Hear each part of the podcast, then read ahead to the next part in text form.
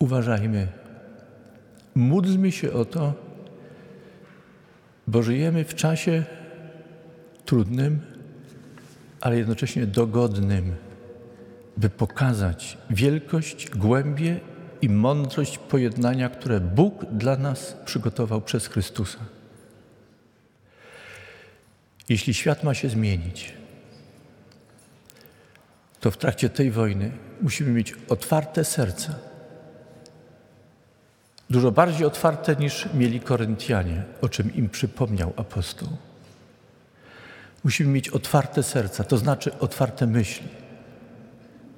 Musimy być pełni miłości i empatii, by zły, któremu Chrystus się przeciwstawił, nie zasiał w nas nienawiści, która zwycięży nas i zasieje nowe, nowe źródła konfliktów, kiedy ucichną karabiny, armaty, wyrzutnie rakietowe. Będzie trzeba budować wspólny dom w Europie, w Europie Środkowo-Wschodniej. Bądźmy mądrzy. A mądrzy będziemy wtedy, kiedy idąc za Chrystusem, będziemy szukali pojednania i miłości.